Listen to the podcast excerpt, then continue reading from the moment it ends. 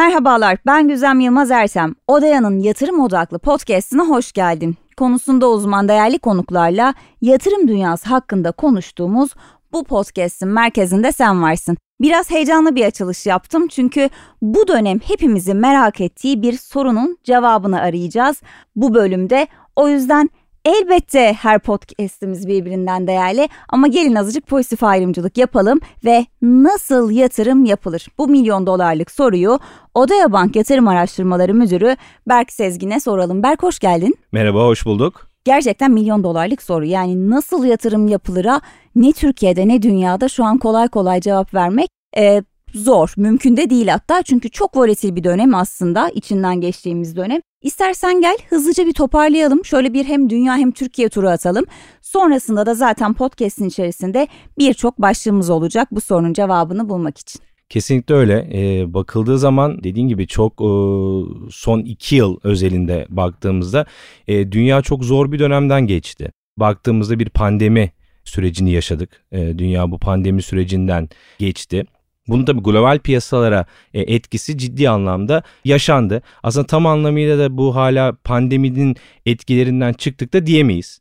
Global piyasalarda hala bunun etkileri çok ciddi anlamda yaşandı ama hani genel bir çerçeveye baktığımızda son iki yıla bakarsak e, tabii pandemi en önemli konu. Pandemiyle de beraber e, tabii ülkelerin kapanması.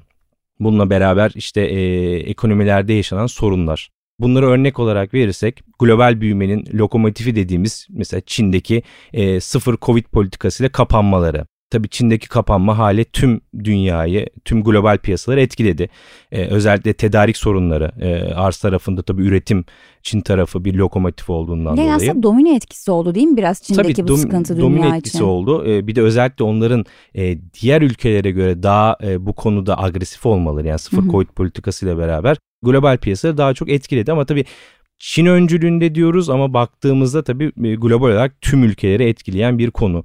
Yani işte Amerika, Avrupa bölgesi, Türkiye, tüm dünyayı ciddi anlamda etkileyen bir e, dönemden geçtik de geçmeye devam ediyoruz. Tabii şimdi e, dediğimiz gibi global büyümeyi çok olumsuz etkilerken bir yandan da aslında enflasyon konusu. Hı Yani bunu şu anda dünyada çok ciddi anlamda yaşıyoruz. Bence özellikle üzerine vurgu yaparak e, belirtmemiz gereken bir konu enflasyon. Ki Türkiye'deki hem yatırımcının hem hane halkının da çok uzun süredir mücadele ettiği bir konu. Evet yani Türkiye'de buna e, uzun süredir enflasyonla mücadele eden bir ülkeyiz. E, biz biraz daha buna e, alışız ama dünyaya baktığımızda işte Amerika'ya, Avrupa bölgesine, İngiltere'ye aslında çok da alışık oldukları bir konu değil enflasyon. Doğru. Yani özellikle Amerika'da işte uzun bir aradan sonra e, enflasyonla tanıştı e, diyebiliriz. Onlar için aslında bizde kadar kronik bir sorun değil. Tabii değildi. Yani çok uzun bir aradan sonra bu e, enflasyon konusu gündeme geldi. Daha öncesi çok e, gündemde olan bir konu değildi ki e, işte e, geçen yıllarda baktığımız Amerika'daki e, enflasyon %9'lara kadar e, çıktı ki bu e, %9 rakamı aslında onlar için çok ciddi çok bir... Çok yüksek. Yani mesela böyle bundan 4-5 sene önce sen desen ki bir ülkenin enflasyonu %9 oldu desen ben kesin gelişen ülkedir derim. Tabii. Yani Türkiye'de mesela bile işte Brezilya derim, Arjantin, Güney Kesinlikle. Afrika derim değil mi? Yani Kesinlikle. Amerika olacağı aklıma yani gelmez. Ülkeyi söylemesek Amerika olacağı tahmin edilmesi çok zor ama 9'a kadar çıkan bir enflasyonları vardı. Tabii şu anda yavaş yavaş e, bu gerilemeyi gösteriyor ama e, bunun bir bedeli oldu tabii. Bunun için tabii faiz artışları. E, Amerikan Merkez Bankası Fed'in çok agresif bir faiz artışı döneminden geçiyoruz. Yani bu tabii e, Avrupa Merkez Bankası da bu faiz artışlarını yapıyor. İngiltere Merkez Bankası da bu faiz artışlarını yapıyor. Ama bakıldığında iki yıl öncesinin başlarında pandeminin başlarında işte e, sıfıra yakın faizler varken yüzde beşlere kadar çıkan e, faizlerden bahsediyoruz. Amerika yani global tarafında. Global bir sıkılaşma döngüsüne girildi aslında evet, değil mi? Global bir sıkılaşma döngüsüne girildi. Bu ciddi anlamda e, büyümeye etkisi hmm çok negatif olarak yansıyor. Enflasyondan dolayı tabii bu faiz artışlarının enflasyonla mücadelenin belli e, bedelleri oluyor. Yani bu ekonomide yavaşlık, üretimde yavaşlık, e, bu faiz artışlarıyla beraber bir durgunluk. Her ne kadar Amerika'da şu anda tabii durgunluk Fed'in istediği düzeyde olmasa da Burada istihdamda hala bir güçlü istihdamı yaşıyor Amerika. Burada bir yavaşlama döngüsüne girmek istiyor ama hala burada mücadele devam ediyor enflasyonla ilgili ve önümüzdeki süreçte de bu faiz artışlarına devam edeceğini Fed belirtiyor. Tabii bu ortamda e, dediğimiz gibi hala bu pandeminin olumsuz etkilerini global piyasalar e, yaşıyor. Bir süre daha yaşayacaklar gibi e, gözüküyor. Bunun tabii özellikle enflasyon gündemde olduğu bir noktada da tabii yatırım konusu daha da e, gündeme geliyor. Haliyle tabii enflasyon yani fiyat genel fiyat seviyelerindeki artış alım güçlerini düşürdüğünden dolayı enflasyona karşı bir korunma mekanizmasıyla tabii yatırım da daha da bir öncelik almış durumda. Yani yatırım konusu her zaman zaten öncelikli bir konuydu ama şu anda enflasyonun da yüksek olduğu dönemde daha da önemli bir noktaya gelmiş durumda. Berk peki şimdi bizi dinleyen dinleyicimiz e, böyle kendisiyle empati yapıyorum. Finansal okuryazarlığı olsun ya da olmasın. Çünkü benim de hakkında şu an o soru belirledi bir yanda. Şimdi yatırım yaparken dikkat edilmesi gerekenler deyince senin bu anlattıklarından yola çıktığımda resesyon endişesi ve büyümeye mi odaklanmalı yoksa enflasyona mı? Çünkü bence bu da önemli bir soru. Yani enflasyonist ortamda yatırım yapılacak enstrümanlar ayrı e, büyümenin sekteye uğradığı dönemlerde yatırım yapılacak enstrümanlar ayrı. Yani her dönem aslında bir makro verinin hikayesi sermaye piyasalarında genelde fiyatlanır ya da ikisinin birden zorlandığı dönemler var. Türkiye'de de bunu konuşuyoruz işte stagflasyon dönemi Aynen. mesela değil mi? Kesinlikle öyle yani hem enflasyon olsun hem resesyon olsun hı hı. bu ıı, yatırım yaparken aslında iki tarafa da dikkat etmek gerekiyor iki tarafında e, hem işte resesyon etkilediği yatırım varlıkları var, ürünleri var. Hem enflasyon etkilediği var. Açıkçası bunun bir kombinasyonu olarak da bakılması lazım. Aslında bunu demişken aslında burada e, portföy çeşitlendirmesi ne girmek gerekli bence. Çünkü portföy çeşitlendirmesi bir nevi risk yönetimi Doğru. aslında. Burada portföy çeşitlendirmesi derken tabii neyi e, ifade ediyoruz dersek aslında bu konuda çok kullanılan bir e, tabir var. Tüm yumurtaları tek bir sepete koymamak e, dediğimiz aslında riski dağıtmak. Şimdi riski tabii nasıl dağıtırız e, konusuna gelindiğinde yatırım yapılırken tabii e, değişik varlık gruplarına, sektörlere, belki coğrafi, coğrafi bölgelere yatırım yapmak. Bununla beraber aslında buradaki temel amaç e, riski düşürürken getiriyi arttırmak. Yani ben altınımı alırım, yastığımın altına atarım düşüncesi bu tarz dönemlerde çok çalışmıyor ki. Türkiye çok sever Kesinlikle aslında. Kesinlikle öyle çünkü tek bir enstrümanda kalmış oluyor ve e, herhangi olası yani altına özgü Hı-hı. etkileyecek herhangi bir makroekonomik olay olduğunda elinizde tek bir enstrüman var. Direkt ondan etkilenmiş olacaksınız. Bu aslında çok iyi bir portföy çeşitlendirmesi bir risk yönetimi olmuyor. O yüzden dediğim gibi değişik varlık grupları, değişik sektörler, belki dediğim gibi değişik coğrafi bölgeleri yatırım yapmak burada hem riski azaltırken getiri fırsatlarını da arttırıyor. E, bunu nasıl arttırıyor diye hani e, bakarsak. Şimdi burada herhangi bir sektörde ya da herhangi bir varlık sınıfında olası bir olumsuz durumdan etkilendiği zaman yatırımınızın yani portföyünüzün içerisinde değişik enstrümanlar olduğundan o sektöre, o coğrafi bölgeye, hı hı. o varlık grubuna etki edenden bir kayıp yaşıyorsanız öbür taraftaki varlık grubundan da bundan etkilenmeyecektir. E, böylece e, en azından bir e, riski dağıtmış bu olumsuzluk e, ortamından portföy genel anlamda minimal şekilde olumsuz etkilenerek çıkmış olacaktır. Bunun aslında en güzel örneği şu. Şimdi Türkiye dolarize bir ülke ya da şöyle diyelim Türkiye dolarize bir ülkeydi Ta ki kur korumalı mevduat ürünü hayatımıza girene kadar. Evet. Yani toplam mevduatların birikimlerinin içerisinde dövizin payı %50'nin üzerindeydi. Böyle olunca da dolarize diyoruz. Hı hı. %50'ye 50 ya da 50'nin biraz altına geldiğinde de aslında dolarizasyon çözülmeye başlanıyor ki son dönemde de aslında 2023 yazının hikayesinde de e, biraz bu dolarizasyonun bozulduğu bir döneme girdik. Hı hı. Fakat bizi dinleyenler diyecek ki yani hep alışkanlıklardan vazgeçemeyiz ya. Yani dünyada da. Hı hı. İşte Türkiye'deki yatırımcının genel profili işte e, ev kadınları altınını sever, altınlarını hı hı. paylaşmazlar ya da hane halkının çoğu birikim tasarruf deyince gideyim maaşımı aldığımda bir 100 dolar alayım e, der.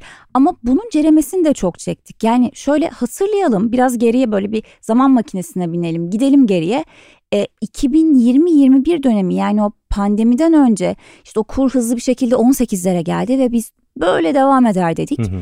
Yine döviz almaya devam ettik hı hı. ama sonrasında içeride dolar Türk lirasının çok uzun bir süre yatay kaldığı bir döneme de girdik. Dolayısıyla keskin yargılara varmak, kesin yargılara varmak yani hep yükselecek ya da hep düşecek mantığı hiçbir enstrüman için belli ki çalışmıyor. Aslında yatırımın merkezinde sen varsın mottosu da buradan geliyor. O yüzden biraz sana bunu sorayım mı? Yani altın ve dövizin gel biraz dışına çıkalım. Ne gibi başka yatırım enstrümanları e, var? Biraz bunu konuşalım. Tabii. Çünkü bir yandan da aslında Odaya'nın yatırım odaklı bankacılık uygulamasında da siz birçok fırsatı sunuyorsunuz bu enstrümanlara ilişkin. Tabii. Şimdi aslında e, yine e, portföy çeşitlendirmesinden biraz daha örneklendirerek devam edeyim.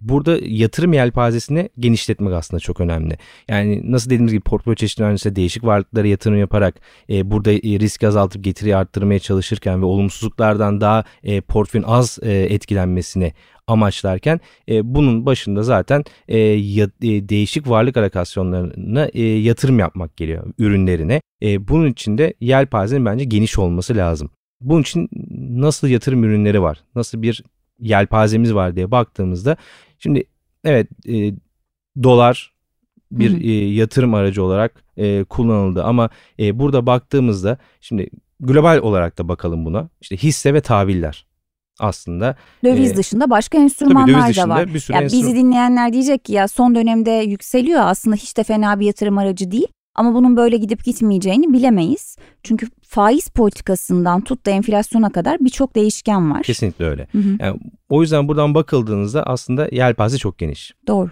E, hisse var, tahvil var. Burada e, kıymetli madenlere özellikle vurgu yapmak istiyorum. Bunlar da çünkü çok popüler. E, altın, gümüş Hı hı. gibi en e, popüler olanlar. Kıymetli madenler. Eurobondlar var. Ki döviz enstrüman deyince sadece dolar ya da euro yok. Dediğin gibi eurobondslar var. Eurobondlar var. Buradan baktığımızda kıymetli madenler altın ve gümüş çok popüler Hı hı. e, bir yer tutuyor. E, onun dışında tabii bakıldığında artık geldiğimiz dünyada çok alternatif var. Hı hı. bakıldığında ama hani esas başlıklar nedir dediğimizde bunlar ön plana çıkıyorlar. Ee, ama şu anda tabii gelinen dünyada dijitalleşmenin çok e, yüksek olduğu ortamda işte kripto dünyası da var. NFT'ler var, NFT'ler sanat var. yatırımları var. Kesinlikle sanat yatırımları ki e, gitgide bunun ağırlığı artıyor yatırımlarda. Sanat yatırımlarının e, ağırlığının portföylerde a- e, arttığını görüyoruz. Tabii şimdi geçtiğimiz yani bu e, pandeminin etkilerinde de aslında bakıldığında e, biraz yatırım stratejilerinde de değişmeler oluyor. Hı hı. Nasıl oldu sence? Pandemi sonrası mesela trend nereye gitti bu enstrümanlar içerisinde? Neler tercih edildi? Mesela güvenli limanlara mı ilgi duyuldu? Evet yani pandemi aslında hayatımızın e, her evresindeki değişimlere sebep olurken aslında yatırım tarafında da e, değişimlere sebep oldu. Bu süreçte geçerken global piyasaların bu akımdan etkilendiği süreçte biraz daha güvenli liman konusu Hmm, ağırlık kazandı. Tabii şunu da unutmadan söylemek gerek. Bir Rusya-Ukrayna savaşı da doğru. Bunu Var. tetikledi değil mi? bunda Yani aslında riskli enstrümanlardansa pandemi üzerine Rusya-Ukrayna savaşı daha riskten kaçındığımız enstrümanları Evet, yani ön plana bir e, çıkardı. güvenli liman talebi Anladım. bu arayış fazlalaşmaya başladı. E, tabii zaten enflasyonun bu kadar uzun zamandan sonra gelişmiş ülkelerde gelmesinin en büyük sebeplerinden biri de aslında bu pandemiyle beraber tedarik sorunlarının gelmesi aslında arz yönlü bir e, enflasyonla başlıyor. Bu tedarik sorunları işte Çin'in kapanmasıyla başlayan ve sonraki tedarik sorunları. Bunun üzerine Ukrayna-Rusya savaşı da büyük bir etki. Yani burada yeniden Avrupa'ya bir savaşın gelmesi Doğru. ve bunun etkileri işte e, Kim derdi ki işte enerji fiyatları bu kadar Enerji fiyatları, değil mi? tarım emtiaları. Bu Çok arada e, demin hani e, anlatırken onu da eklemek lazım. Onu da unuttum. Yani burada bakıldığında e, sadece kıymetli madenler değil emtia dünyası aslında çok geniş yelpazeli. Yani tarım emtiaları. Burada işte bunların işte future'ları oluyor, kullanılıyor vadeli piyasalarda ya da direkt hani spot piyasadan alınabiliyor. Ama yani emtia dünyası da bu saydığımız hisse, tahvil, eurobond, döviz yatırımlarının yanı sıra emtia dünyası da çok geniş bir dünya. Dediğim gibi burada tarım emtiaları da çok olumsuz etkilendi. Zaten bu tedarik sorunları, arz yönlü sıkıntılar zaten tarım emtialarında işte tarım emtiası dediğimiz nedir işte işte buğday diyelim başta en en e, bildiğimiz e, tahıl koridoru anlaşmasından Doğru. bunu hep duyuyoruz. Bu tarafta e, tarım emtialarında ciddi sıkıntılar yaşandı. Hem bu kuraklık, jeopolitik sorunlar, jeopolitik sorunlar da hem enflasyonu hem resesyonu etkileyen unsurlar. Bu jeopolitik sorunlarla da beraber tarım emtialarında ciddi yükseliş oldu. Bu da enflasyona tabii olumsuz yansıyor. Demek ki o zaman her enstrümanı dönemine göre değerlendirmek gerekiyor. Kesinlikle. Yani o dönemki değişkenler neyse gerçekten parlayan bir yıldız da olabiliyor. O enstrümanın fiyatı yani çok hızlı bir şekilde yükselebiliyor. Tam tersi de olabiliyor. Yani tarım emtiaları çok bilinmezken belki Rusya-Ukrayna savaşı ya da küresel ısınma öncesinde son bir anda hayatımıza işte buğday, pamuk, kakao hatta bir ara kahve fiyatları da değil mi? Çok hızlı bir şekilde yükseldi. Bunları konuşur hale geldi. Şimdi Berk bunun aynısını aslında e, genel doğru genel kanaat denir ama değişiyor artık. Dünyada fix bir yatırım teması vardır. %70 ise 30 tahvil. Mesela bu genelde işte Amerika'daki emeklilik fonlarında işte büyük hedge fonlarında e, hani böyle genel tabii ki söylüyorum bunu kapsamlı bir yatırım temasıdır. Ama mesela bunun da çok çalışmadığı dönemler oldu değil mi? Oldu. E, hatta buna şöyle e, başlayayım. Hani hem de sorunuza da cevap Hı-hı. olmuş olsun. Hani bu pandemi süreci ve bu dönem yatırım fikirlerini, strateji nasıl etkiledi e, derken aslında tam da buraya da geliyoruz. Dönemine göre bu stratejiler değişiyor. Hı hı. Yani bu pandemiyle beraber bu ortamda nasıl yatırım e, fikirleri, yatırım strateji değiştiyse aslında burada da değişme var. Nasıl diye bakarsak şimdi %70 hisse %30 tahvil dünyada özellikle Amerika tarafında çok hani uygulanan, takip edilen bir strateji. Ama bakıldığı zaman e, tabii buradaki hareket e, genelde aslında iki e, varlık sınıfındaki fiyat ilişkisinden ilk önce çıkıyor. Yine aslında portföy çeşitlendirmesine geliyoruz ama burada biraz daha dengeleme olmasıydı. Şimdi burada e, enflasyon olmadığı ortamda bu 70'e 30 stratejisi aslında e, iyi bir strateji olarak bakılıyordu bu pandemi dönemi Hı. öncesinde. Yani büyümenin olduğu enflasyonun daha düşük olduğu. Daha düşük olduğu dönemde. O zaman büyüme biraz hisselere yarıyor diyebilir miyiz hisse piyasasında? Tabii büyüme e, hisselere yararken enflasyon olduğundan dolayı işte faiz artışları, hı hı. faiz artışları aslında hisse piyasası için olumsuz oluyor. Ee, hisse yatırımlarının aslında alternatif maliyeti artmış oluyor. Yani aslında hisse faizi sevmiyor. Burada Şimdi bu enflasyonun yüksek olduğu dönemde son dönemde bu 70-30 stratejisi son 2 yıldır aslında çok kullanılmıyordu. Bunun da sebebi dediğimiz gibi böyle bir e, ortamda e, aralarındaki fiyat ilişkisi e, biraz daha yakın bir hale geldi. Yani ikisini de olumsuz etkilemeye başladı. Bunun da sebebi aslında dediğimiz gibi e, enflasyon ve yüksek faiz. Faiz e, hisse nasıl faizi sevmiyorsa bu yüksek faiz ortamından hisse piyasası olumsuz etkilenirken e, tahvil piyasasına baktığımızda aslında çok kötü bir performans gösteren tahvil piyasası görüyoruz. İşte pandemi öncesi 2020'lerin başlarında Amerikan tahvillerine baktığımızda %0'a yakın faizler vardı. Doğru. %1'in altında sıfırlara yakın tahvil faizleri vardı. Şimdi baktığımızda tahvil faizi %5'lere kadar çıkmış durumda. Faiz yükselince tahvilin fiyatı düşer. Hani Aynen. Belki bizi dinleyenler bilmiyorsa da onu da aktaralım. Yani tahvil faizlerinin yükseliyor olması iyi bir şey iyi değil. İyi bir şey değil. Değil mi? Çıkış Aynen. olur tahvilden ve fiyat Tabii. düşer. E, tahvil faizi arttığı zaman tahvillerin fiyatı e, geri geliyor. Bu da e, olumsuz oluyor. Şimdi baktığımızda %5'lere kadar çıkan tahvil faizleri hatta 5'i geçtiği dönemler oluyor. Şu anda işte buna 2 yıllık Amerikan tahvillerine 10 yıllık Amerikan tahvillerine daha çok referans olarak bakılıyor. 2 yıllık Amerikan tahvilleri biraz daha politika faizine daha duyarlı bir enstrüman ama buralarda %5'lere diyelim kadar çıkan seviyeler var. Tabi bu tahvil piyasası için çok olumsuz oldu özellikle son 2 yıldır bu faiz artışları. Hisse piyasasına baktığımızda da e, haliyle bu kadar agresif faiz artışlarının olması hisse piyasasında olumsuz etkiledi ama aynı zamanda resesyon korkuları.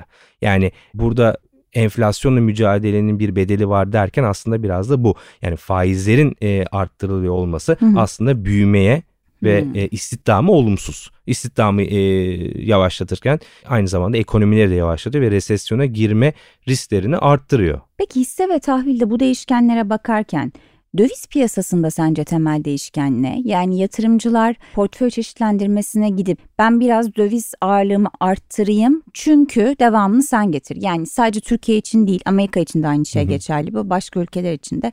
Yani neye bakarak aslında kurun yükselip yükselmeyeceğini analiz edebiliyoruz. Ya tabii burada e, biraz hani teknik e, konular biraz da aslında iç, işin içinde algı var. Hı hı. Yani teknik olarak bakıldığında evet yani iki ülke arasındaki faiz farkı açıldığı zaman e, bir para birimine daha olumlu yansıyabiliyor. Yani faiz tarafı e, yüksek olan para birimine daha olumlu yansıyabiliyor. Yani, Mesela örneğin Türkiye'de faizler iniyor.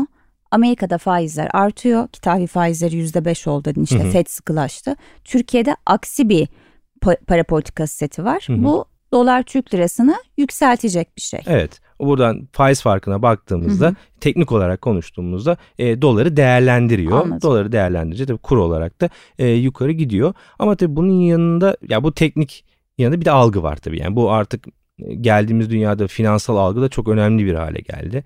Algıda herhangi bir bozulma olduğunda ki bu bozulma nasıl dediğimizde işte makroekonomik değerlerde herhangi bir bozulma olduğunda. Hı hı. Yani makroekonomik değerler dediğimiz işte istihdam oranları olsun, büyüme olsun. Enflasyonist ortam. Enflasyonist ortam. Yani bu herhangi... Merkez Bankası'nın öngörülebilirliği, kesinlikle, aldığı kararlar Kesinlikle. Mi? Yani burada herhangi bir algı bozulması makroekonomik değerlerde bu konuştuğumuz konularda herhangi bir bozulma olması da insanları biraz bu konuştuğumuz güvenli liman aslında hmm. algısına itiyor. Yani o ülkenin para biriminden çıkıp rezerv para birimlerine biraz daha talep oluyor. Dünyada Tabii. işte euro, dolar gibi rezerv para birimlerine. Tabii. Yani burada aslında e, bu algı güvenli liman derken mesela bu tabii bizim ülkemizde güvenli liman dedik hani böyle bir algı oldu. İşte dolara yöneleyim mi sorusu varmış. Bu bunun genel aslında global olarak bakmak lazım Kesinlikle. bu e, risk algısına. E, Tüm güven... dünya döviz dolara yöneldi tabii, aslında tabii. değil mi o Kesinlikle. pandemize? O, ona değinecektim. Yani bu e, özellikle Ukrayna-Rusya savaşı gelmesi ve enflasyon ortamın e, bu mesela güvenli liman algısını çok arttırırken şu güvenli liman mesela global olarak baktığımızda ne vardır dedim. Baktığımızda en büyük güvenli liman enstrümanlardan biri altın e, ve Amerikan tahvilleri aslında.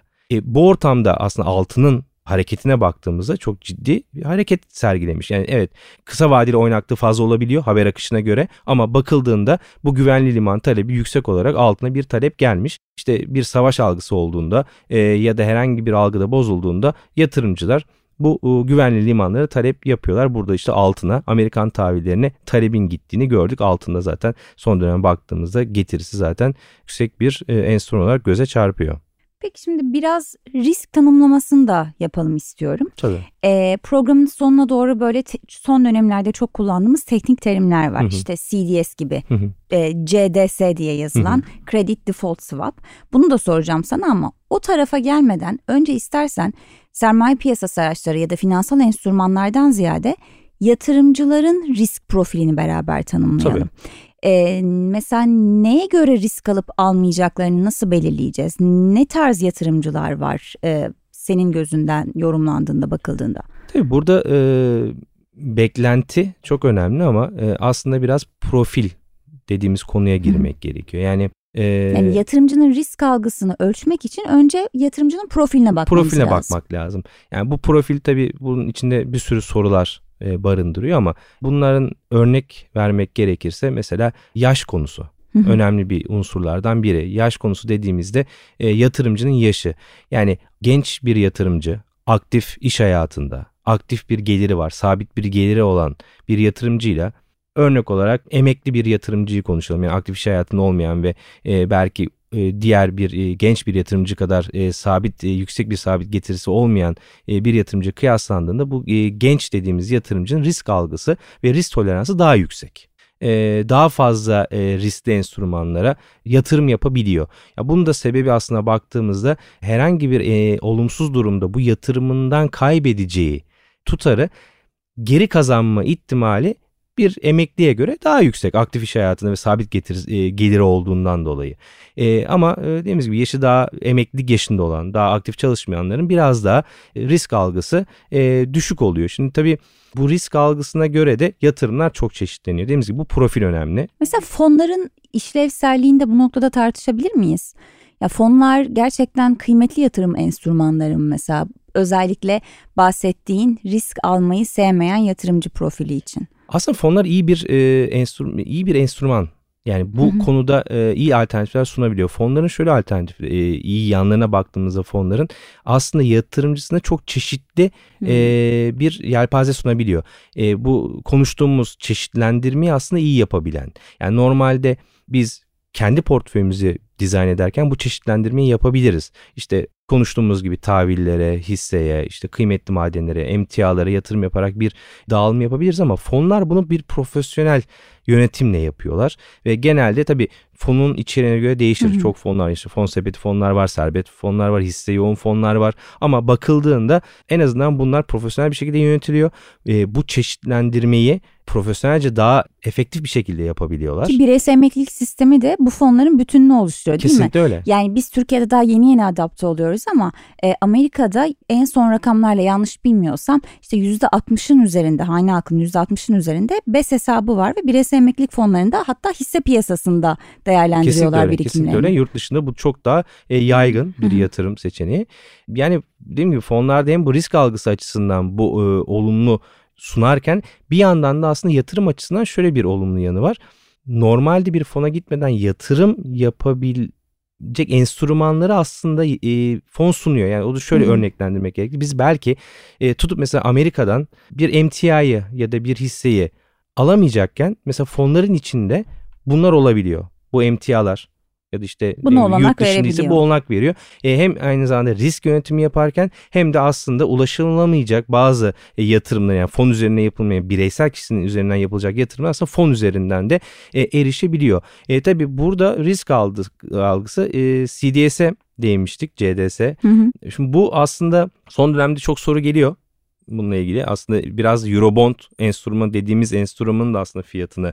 Şimdi biz dinleyenler de CDS diyorlar ne komik demesinler. Herkes bilmiyor efendim o yüzden evet. böyle biraz daha detaylı anlatmaya çalışıyoruz. Ee, bunu e, aslında şöyle ben e, örneklendireyim en basit şekliyle. Aslında bir ülkenin hazinesine verilen borcu o ülkenin geri ödeyememesi ihtimaline karşı yatırımcının aldığı bir sigorta poliçesi olarak düşünebiliriz. Hmm. Mesela ben ehliyeti ilk aldığımda çok kaza yapardım. Trafik sigorta poliçem de hep yüksek çıkardı.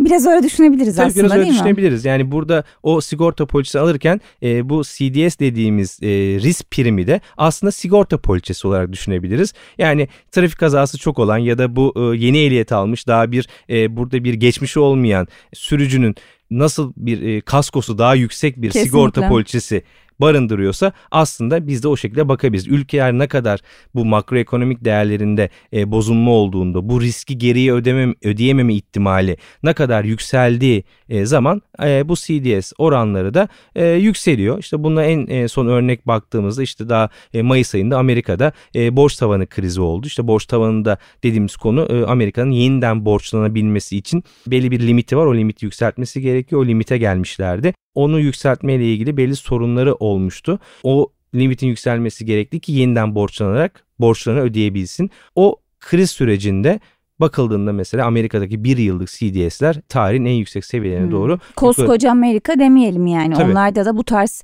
krizler çıktığında ortam öngörülemez hale geldiğinde risk primleri, risk primleri artıyor. artıyor. Ee, sorun çözüldüğü zaman e, yeniden borçlanabilip bu borçlarını ödeyebilmeye başladığında yeniden bu CDS'ler e, eskisi düşük seviyelerine geri döndüler. O yüzden burada CDS dediğimiz konu aslında riskte eşdeğer. Yani risk arttıkça CDS'de puanı CDS e, puanı da yukarı geliyor. Bu tabii nasıl etkilediğimiz Eurobond enstrümanı için konuştuğumuzda Eurobond'un fiyatını ciddi anlamda etkileyen yani içindeki fiyatında etken olan e, değerlerden biridir. E, burada tabii CDS yukarı geldiği zaman da burada faizleri yukarı gidiyor. E, demin konuştuğumuz gibi de faiz yukarı gitti mi de fiyatları düşüş gösteriyor. Berk peki podcastlere başlarken aslında biz dedik ki yatırımın merkezinde sen varsın. Bizi dinleyen herkese bunu söylüyoruz. Şimdi yatırım merkezinde ben varsam Odaya'nın yatırım odaklı bankacılık uygulaması neler sunuyor yatırımcılara? Gerçekten orada bu konuştuğumuz enstrümanları görebiliyor muyuz? Nasıl yatırım yapılır sorusunun cevabı aslında bu uygulamayla hayatımızı kolaylaştırıyor mu? Evet aslında çok kolaylaştırıyor. E, normalde bakıldığında bir e, işte bankacılık epi gibi görünse de aslında yatırım odaklı. E, bir e, aplikasyon olarak öne çıkıyor. Şimdi e, hem onu anlatırken konumuzu da hani toparlarsak nasıl bir e, yatırım başında konuştuğumuz gibi aslında e, yatırım yelpazesi ve varlık e, ürünleri çok çeşitli.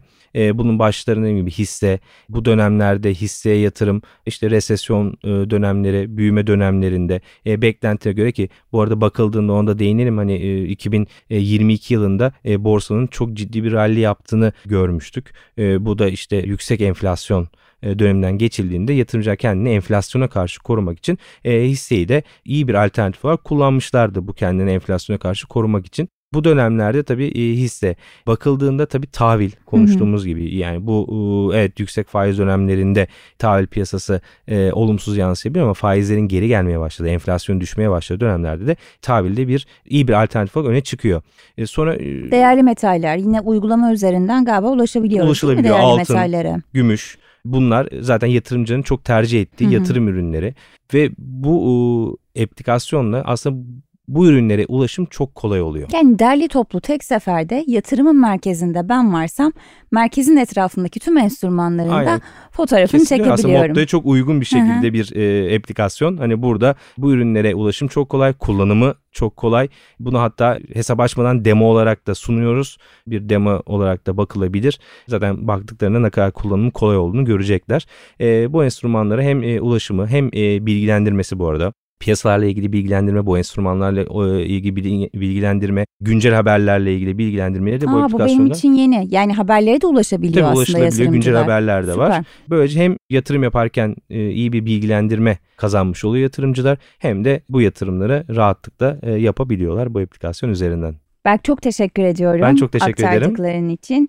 Evet konusunda uzman değerli konuklarla yatırım dünyası hakkında konuştuğumuz bu podcast'in merkezinde siz varsınız dedik. Odaya Bank Yatırım Araştırmaları Müdürü Berk Sezgin'e çok teşekkür ediyoruz. Odaya.